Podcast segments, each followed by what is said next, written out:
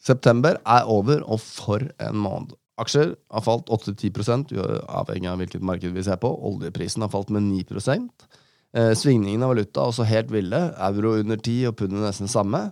Eh, sentralbankene har dunka opp renta over hele fjøla, og ikke eh, kvartinger eh, eh, fire ganger i året, slik det er pleid, men mye, mye kraftigere.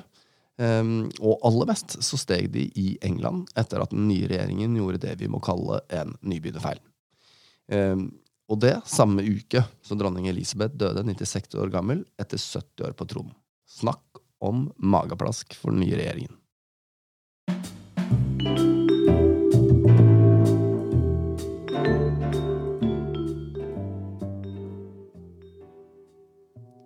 Geopolitisk skjedde det også mye. Putin annekterte de fire østlige provinsene i Ukraina. Han stengte gassen eh, til eh, Europa og skapte kriser blant eh, kraftprodusenter.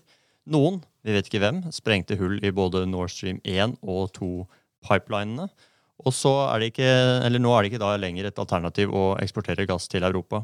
Og I et intervju på 60 Minutes endret USA tilsynelatende sin politikk overfor Tarwan, og det er den politikken som har stått siden 1979.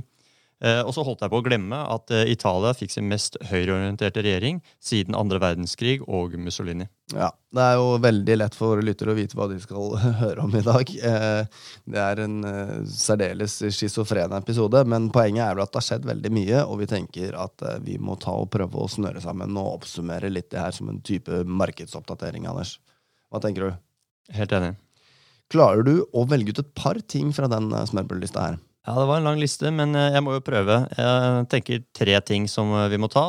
For det første så må vi snakke litt om hva som skjedde med det deilige sommerrallyet vi hadde i aksjer. Så prate om renter både i USA og England, som vi var innom i sted. Og så kanskje avslutte litt om hva som skal til for at markedet snur. Eh, og så tenker jeg det geopolitiske, det, det får vi la ligge til en annen gang. Ok, Det er fair, det. Skal vi ta og begynne med aksjemarkedet, da? Det gjør vi. Og aksjer steg, eh, steg, jo ganske bra over sommeren. Fra 15.6 til 15.8 så var det en, eh, et rally, som vi kaller det, på 12-13% Norge steg rundt 10 eh, Men så snudde det da, i midten av august omtrent. Og det, grunnen til det var jo at vi så at inflasjonen den går ikke over.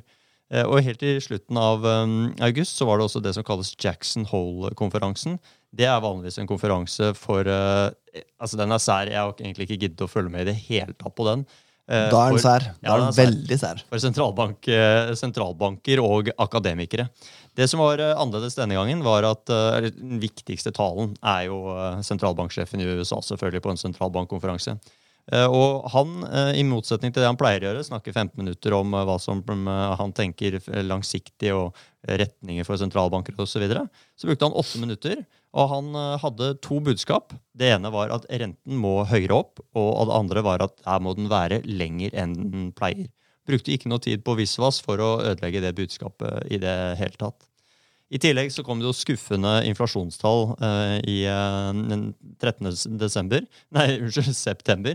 Og det var da spesielt eh, for eh, USA, men vi har også sett en rekke høye og skuffende inflasjonstall fra Europa. Uh, og for Norges del, da, som jo også har falt mye, så har jo oljeprisen i tillegg da falt på, fra 123 i slutten av juni til nå rundt 85. Eller på morgenen i dag så er den faktisk en del opp igjen og gjennom gårsdagen, men rundt 90, da. Hva betyr skuffende inflasjonstall, Anders? Jo, um, Det betyr jo egentlig at de holder seg høyere enn ventet. Europa er jo nå opp um, Der er jo inflasjonen allerede oppe rundt 10 Eh, og I USA så har vi sett at det vi kaller headline-inflasjon, altså totalinflasjonen, har falt litt pga. at eh, energiprisene har kommet ned. Og Spesielt er man jo da fornøyd med at bensinprisen er lavere i USA. Mens kjerneinflasjonstallene de er fortsatt ganske skuffende. Og Kjerneinflasjon det er jo da når vi renser for nettopp bensin og mat. Så sitter vi igjen med det egentlig som sentralbanken kan styre noe med. Eh, og for eh, et par uker siden, det er vel snart eh, ja, tre uker, så, så, var den store sentralbankuken. Og da satt jo den svenske sentralbanken på tirsdagen satt opp renten med 1% altså det er, en, det er ikke en dobbel, det er ikke en trippel, det er en kvadruppelheving. Veldig sjelden vi ser det, men det gjorde de. USA satte opp på onsdag med 0,75, altså trippelheving. Og det er den triple trippelhevingen, for å si det sånn. I UK så satte de opp renten med 0,5 på torsdag. Det samme gjorde vi i Norge. Eh, og så må vi da huske, som vi sa innledningsvis, det vanlige er å sette den opp med 0,25. Vi har jo snakka litt om det her i den eh, forrige episoden vår, men recap igjen. Hvorfor er sentralbankene så opptatt av inflasjon? Jo, for det første så er jo målet deres å holde inflasjonen. Det er jo det de, eh, inflasjonen rundt 2 det er jo det de måles på. Men eh, i år så har de helt fått skrekken. Og det er fordi at de er redde for at eh, folk skal begynne å forvente høyere inflasjon. At det på en måte skal, eh, forventningene skal fjerne seg da fra, fra de to prosentene. Og da får vi det vi kaller en pris-lønnsspiral. Vil si at du, får en, eh, du går til arbeidsgiver og sier inflasjonen er høy i år, den kommer til å bli høy lenge, jeg må ha høyere lønn. Og så går da mm, bedriften på med, med, på høyere lønninger, men de må da sette opp prisene mer. Og da stiger inflasjonen, og så må lønningene videre opp, og så er man i, i gang. da. Det er, gjør egentlig ikke noe positivt. Derfor er man så redde for, for det. Så må vi også huske at inflasjon det rammer alle. Alle og enhver, kanskje med unntak av de aller, aller rikeste, men i hvert fall veldig, veldig bredt. Eh, og de rammer også de, de, med dårligst råd aller mest, mens en arbeidsløshet, eh, økning på sånn som sentralbankene prøver i hvert fall, på kanskje en halv eller opp mot 1% det rammer jo de som da blir arbeidsløse, men ikke alle de andre. Så det er rett og slett en avveining mellom eh, de to. da. Så er det også litt morsomt å, å tenke på det, for uh, vi tenker jo nå at liksom, dette med sentralbanker styrer inflasjonen, opp, renten opp og ned og sånn, det er noe vi har drevet med lenge. Men det var faktisk sånn at den første banken som innførte inflasjonsstyring, det var New Zealand i 1990. Eh, Norge vi begynte ikke før i 2001. Eh, kanskje litt soft eh, via Gjedrem, som ble sentralbanksjef i 1999. Men øh, det er egentlig dette med styring av, av inflasjonen, eller som inflasjonsmål, det er relativt nytt fenomen. Eh, og før det så var det mange andre ting man har prøvd opp igjennom. En av tingene var jo bl.a. å, å ha fastkursregimer, altså at det var valutakursen som var det viktige. Og det var jo selvfølgelig etter en periode hvor man da hadde hatt store svingninger på, på valutakurser, at man prøvde å, å få til det. Så hvis vi prøver å hoppe litt tilbake igjen da, til hva som eh, sentralbankene sa um, som jeg var inne på i sted, denne uken, så er det spesielt Norge vi kanskje skal fokusere på, så, så var det litt som ventet. Men Eh, og de sa, som, at, eh, som, vi har vært innom før, at eh, vi kommer til å nå en topp, da, eller de tror vi når en topp på, med styringsrente på rundt 3 um, og, og, vi i Danske Bank tror jo da at den blir lavere. I USA, som jo liksom har vært det som har drevet veldig mye av dette her, så um, var egentlig eh, sentralbankmøtet litt uh, kjedelig. Det var helt som forventet, det de, de sa om år i år. Men den store endringen var, var neste år. De fortsatte egentlig den tonen fra, fra Jackson Hole, som jeg sa i sted. Eh, var egentlig tidligere på, i sommer i hvert fall prist inn et fall neste år, men de sa at rentene skal videre opp neste år, eh, og eh, faktisk opp mot 4,5-4,6% og det ble jo da ganske kraftig, eller raskt priset inn i, i markedet, og rentene steg kraftig. Og høyere renter, og spesielt når ikke inflasjonen forventningene stiger samtidig, det betyr høyere realrenter, og det er negativt for, for aksjer. Og så Bank of England da, eh, de skulle jo, eh, i tillegg til å sette opp med 0,5, som eh, jeg nevnte i sted, så skulle de også redusere balansen sin. De skulle selge opptil 10 milliarder pund i, i, fjerde kvartal. Um, men det var inntil fredag, altså det var torsdag, og på fredag da, så kom det jo da en ny pakke fra regjeringen med skattekutt på 45 milliarder pund. Eh, og som vanlig skal det da finansieres gjennom låneopptak. Ja, og Hvis jeg ikke tar helt feil, så er vi England kanskje litt grann som Italia. De har lav vekst, eh, mye gjeld, og så er det sentralbankene som er den største kjøperen av statsobligasjoner. Ja, der, der, har du helt rett. Og det, det var det som var så, så tydelig, da. At uh, markedet var egentlig ikke keen på å kjøpe disse, de uh, obligasjonene. Og sentralbanken hadde jo dagen før sagt at de skulle jo i hvert fall ikke gjøre det. De skulle jo tilby ekstra mange eh, obligasjoner ut i markedet. Og kombinasjonen av det da, det gjorde jo at eh, rentene i eh, England de skjøt i været. Og da når jeg sier skjøt, vanligvis når vi sier skjøt, så er det 0,1-0,2 eh, men her snakker vi flere prosent da, i løpet av et par dager. Og pundet svekket seg altså noe, noe, kraftig. da. Og husk det, svakere pund det betyr det samme som i Norge. Når den norske kronen svekker seg, så blir jo inflasjonen da eh, høyere, alt annet like. Og, og, siden da, eller på et par måneder da, så hadde jo faktisk rentene i England steget med, med 3-4 eh, og, og, det medførte jo også for eh, alle da boliglånskunder eh, som, som, enten hadde flytende rentene, eller som, som har fastrenter som løper av, så må de da plutselig fikk en tripling av rentekostnadene sine, på toppen selvfølgelig av de høye energiprisene. Så det, det var uh, krevende, mildt sagt. Uh, og det ja, jeg håper å si spilt over det smittet over i resten av markedet. Og eh, først så kom jo da ikke sant, Dette kom jo eh, på fredag. På mandagen så kom det en eh, kommentar på nettsiden til Bank of England hvor de bare sa at dette kommer vi til å se på og, og en, gjøre analysen og komme med en vurdering da eh, på neste rentemøte, som er i november. Det var mandag. På onsdag så, så kom jo da en kraftig U-turn, hvor de sa at eh, vi har sett på det allerede nå, etter at pundet hadde da svekket seg mot et nivå mot dollar som var svakeste noensinne så kommer de til å kjøpe obligasjoner i markedet de neste 14 dager for å støtte opp på markedet. Og, og da var det pga. det de sier, finansiell stabilitet. Um, og i, i, virkeligheten så måtte de faktisk redde da pensjonsbransjen, som um, hadde fått det vi kaller margin calls på sine rentebytteavtaler. Margin calls, er ikke det samme som skjedde med kraftselskapene i Europa tidligere i september? Jo, det er absolutt uh, akkurat det samme. Det er egentlig et godt eksempel. Så margin calls det er ikke bare noe dere husker fra den filmen. Det er faktisk noe som skjer in real life, og i år har det da skjedd to ganske heftige runder. Um, hvis vi tar det krafteksempelet, da, så tenk deg at du er en kraftprodusent, og du produserer strøm til si 50 øre. Og så um, kan du da enten inngå lange kontrakter med industrien, men du kan også selge da finansielle derivater i markedet som sikrer deg at du får 60-70, kanskje 80 øre for den strømmen. Eh, og hvis du kjøper den på, eller produserer den for 50, så har du egentlig en veldig hyggelig inntjening i den. Liksom, og husk at volumene her er eh, enorme. Men så stiger jo prisene på, på denne strømkontraktene. Ikke da 60-70-80 øre der du har sikret det, men 100-150-200 øre. Og vi vet jo, det har vært mye høyere enn det også. Um, og da skjer det plutselig noe. ikke? Når, eh, når vi da kom opp i 500-600, så kunne jo da du som kraftselskap fått betydelig bedre pris Um, og da uh, er det noe som heter margin calls, altså som rett og slett er differansen på hvor du har solgt den, og hvor markedet er, ganget med løpetiden. Og så en viss andel av det må du da stille som sikkerhet, rett og slett for at du, du på en måte kan ha råd til å tape det du kunne ha fått. Dette er ekstremt uh, teknisk. Problemet er bare at det krever enormt mye cash på kort tid. Hvis du har gått, inngått disse lange kontraktene.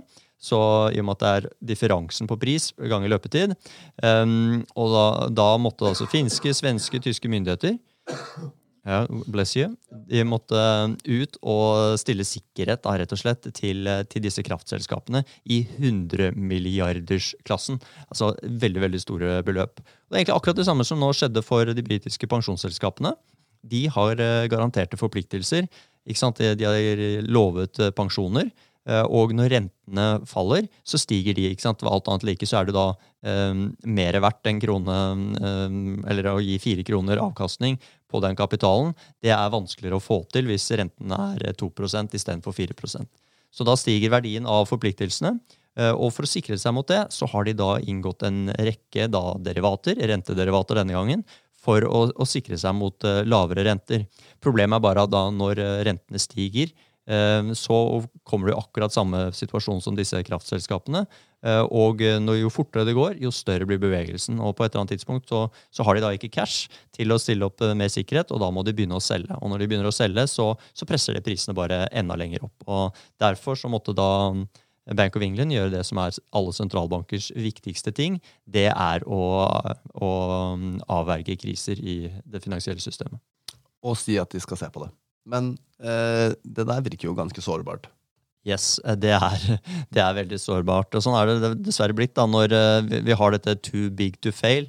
Bedrifter som ser at, eh, at, det er noe som heter too big to fail, de, de innretter seg etter det.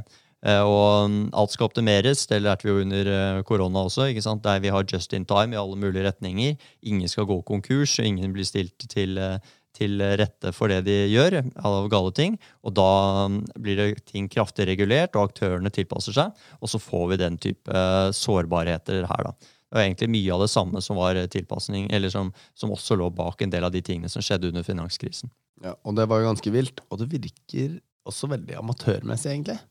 Ja, det er altså amatørmessig. Hvis du tenker på det som, eh, som den engelske regjeringen gjorde, så er jeg helt enig. Mm. Eh, og det var faktisk så amatørmessig at IMF da var ute og, og sa at vi, vi, vi, anbefaler ikke at dere gjør generelle skattekutt i den situasjonen både dere og verdensøkonomien er nå. Uh, selv om de argumenterte selvfølgelig for at dette var det samme som Thatcher gjorde på 80-tallet, og de skulle gi økt vekst på sikt. Så liksom, dere har ikke råd til det, var i prinsippet det IMF sa, som er det internasjonale pengefondet, som sagt. Um, svært uvanlig at de går ut og rådgir en såpass avansert økonomi som, som England. da. Uh, Moody's var også ute. De er et ratingselskap. De rater jo, eller sier noe om kredittkvaliteten uh, på alle mulige utstedere der ute. Uh, og var ute og sa at også dette her, hvis vi gjennomfører dette, kan det få konsekvenser for, for hvordan vi ser på deres betalingssikkerhet fremover. Ok. Og kjenner jeg deg rett, Anders, så er vel lista lang når jeg skal prøve å spørre deg om hva som skal til for at dette skal snu. ja, altså Vi er inne i et, et bear-marked i, i, aksjer. ikke sant? Vi har snakket om det før. Et bear-marked og definisjonen på det er at det markedet har falt 20% fra toppen. Eh, og så hadde vi et rally da over sommeren. Eh, og det første som må snu, det er jo egentlig at eh, vi ser toppen i inflasjonen da rundt omkring, spesielt i USA. De ligger først, uh, først uh, ute.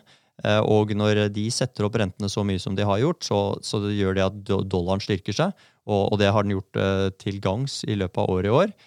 Men hvis de på et eller annet tidspunkt nå kunne komme ut og si at, eh, at, nå ser vi at inflasjonen begynner å roe seg ned. Vi skal fortsette å sette opp renten, men ikke like mye. Så vil det nok være veldig positivt, og, og dollaren vil bli svakere.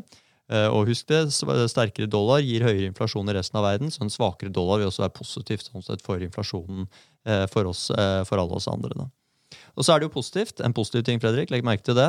Råvareprisene har falt ganske mye, og det er positivt. Vi har sett at det gjelder olje, det gjelder Eh, også litt naturgass, selv om de fortsatt er veldig høye i forhold til hvor vi var i fjor.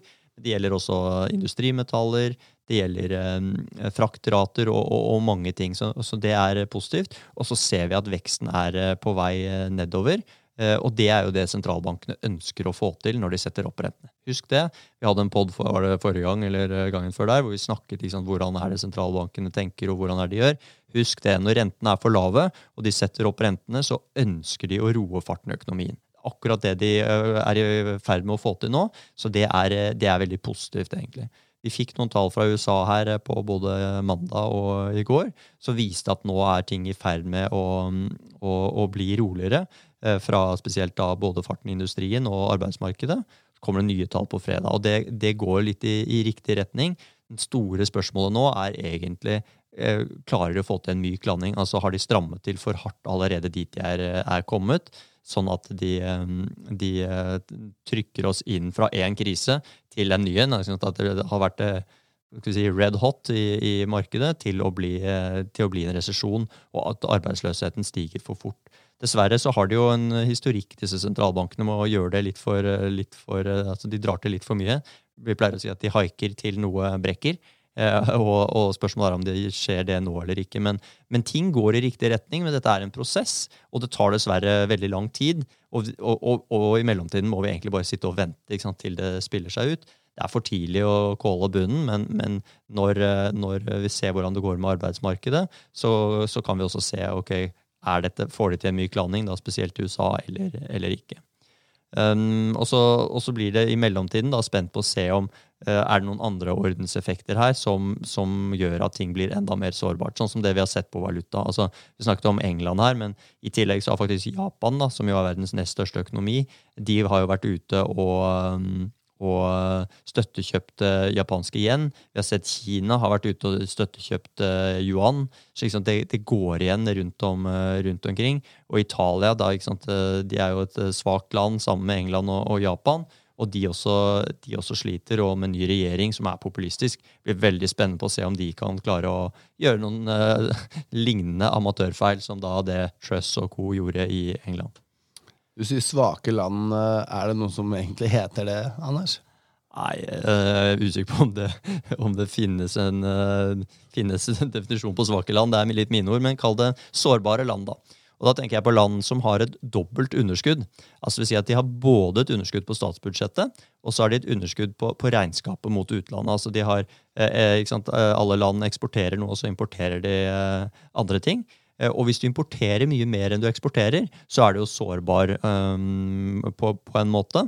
Og spesielt hvis da prisen på det du importerer, stiger. Og i, i dette tilfellet, hvor prisene på energipriser spesielt da, har eh, steget mye, så er alle land som, eh, som har høy import av energi, de er sårbare. Det være seg Tyskland, det være seg England, det være seg Japan, eller hva det måtte være. De som står bra imot, er jo type Norge. Vi eksporterer jo mye energi. Det er mange andre eh, arabiske land osv. USA er jo faktisk også nettoeksportør av eh, energi for tiden. Så de, de, gjør det bedre. Men de som da har både eh, underskudd på dette utenriksregnskapet, i tillegg til at de um, har underskudd på statsbudsjettet, altså de bruker mer penger enn de, de, um, de klarer å ta inn i, i skatter og avgifter og, og har inntekter, da er du liksom dobbelt sårbar, og spesielt da når du får det som vi nå gjør, og kombinert da på toppen av det hele med at du allerede har mye gjeld. Eh, og um, lav vekst, høy gjeld og de andre tingene, så, så kommer du i det problemet. Og da, da, mener jeg da er du et uh, svakt land eller et sårbart land. Eh, og England er dessverre kommet dit. De klarer ikke å svelge at de, de var en stormakt for 100 år siden. Ikke nå lenger. Eh, og Italia var jo en stormakt for enda, enda mye, mye lenger siden. Japan var jo også en stormakt lenge. og de Eh, for de som husker det, På 80-tallet så var jo Japan altså det var et mirakel. Det vokste noe helt vanvittig. og Så sprakk den boblen i 1989. og Siden har jo de også hatt eh, store problemer. Lav vekst, mye gjeld osv. Og, så og igjen importerer mye energi. da. Og nå, nå, ser jeg du begynner å bli utålmodig, Fredrik. bare en, bare jeg prøver bare å holde inn hosten, for jeg hoster så mye. Ja, ja, ja. ja det, det, manflu er, er kraftig ting. Ja, det er helt vilt. Jeg skal snart avslutte. 1-1-3 på speed der. Ja, jeg må bare, jeg må bare uh, nevne en siste ting. At innenfor uh, økonomi da, så har vi et trilemma. Eh, du, vi, kan styre, vi kan ha fri kapitalflyt, vi kan ha, ønsker en kontroll på egen pengepolitikk. Ja, altså Dvs. Si rentene, da, i prinsippet. Og vi ønsker også at valutaene våre skal flyte. Men vi kan ikke få alle de tre til å være faste, eller til å, til å flyte fritt til enhver tid. Vi må på en måte gi opp én. Så hvis vi ønsker å styre egen pengepolitikk og fri kapitalflyt, det er obvious for alle alle kapitalistiske land, eh, eller eh, demokratiske land, så, eh, så, er det valutaen som er, er ventilen. Som jeg sa, før 1990 så var det mange som hadde fast valutakurs. Og da var det rentene som svingte helt vilt for å støtte opp rundt den valutaen. Men nå er det valuta som er, er ventilen, og det ser vi veldig tydelig i år. At det er de svake landene som blir rammet på, på valutasiden. Vanligvis så pleier jeg her å spørre om det er noe mer. men Det kommer jeg ikke til å gjøre nå. Og vi trenger en oppsummering, og det skal definitivt du få gjøre her. Takk for den. Jo da, jeg skal, eh, jeg skal prøve det. Ok, Så vi har fått nye fall i aksjer. Vi er inne i et eh, bear-marked. Eh, vi har sett at rentene har steget mye. Det er også grunnen til at vi har fått et bear-markedet. Inflasjonen har bitt seg fast. Så er det positivt at råvarer har begynt å falle, og, og vi tror jo nå at spesielt i USA at vi nærmer oss eller at faktisk inflasjonen kommer til å falle fremover. Eh, og det vil være positivt. Og så mm, Når det gjelder eh, når bunnen kommer, så, så, må vi da se en topp i inflasjonen, spesielt i USA. Vi må se at arbeidsløsheten må, mye, eh, må litt opp. Og så er det store spørsmålet klarer de å få til å roe ned eller få arbeidsløsheten litt opp, og ikke at det stopper helt opp. Um, og så har vi da som en sånn joker sett at det er mye smitte, andreordenseffekter andre steder. Uh, og um, det blir veldig spennende å se i hvilken grad sentralbankene må inn og gjøre à la det Bank of England gjorde. Støtte markedene sine på, på forskjellige un, uh, for det vi kaller unintended consequences. Det dukker opp et eller annet sted, de ubalansene som finnes der ute. Ok, det var ikke verst, eh, Anders. Takk for en eh, veldig innholdsrik eh, episode. Jeg vil bare minne alle lytterne på at de kan følge mer av Anders sine utspill på Twitter på at makrojohansen. Og dere kan også sende spørsmål eller tips om ting dere mener vi bør dekke i vår podkast til både meg og Anders på Twitter. Er, jeg er da at Ask Stensrud, og Anders er som sagt at makrojohansen. Husk også at hvis du ikke bare lytter til podkasten, men faktisk trykker abonner, så får du en egen notification hver gang vi produserer en ny episode. Vi høres!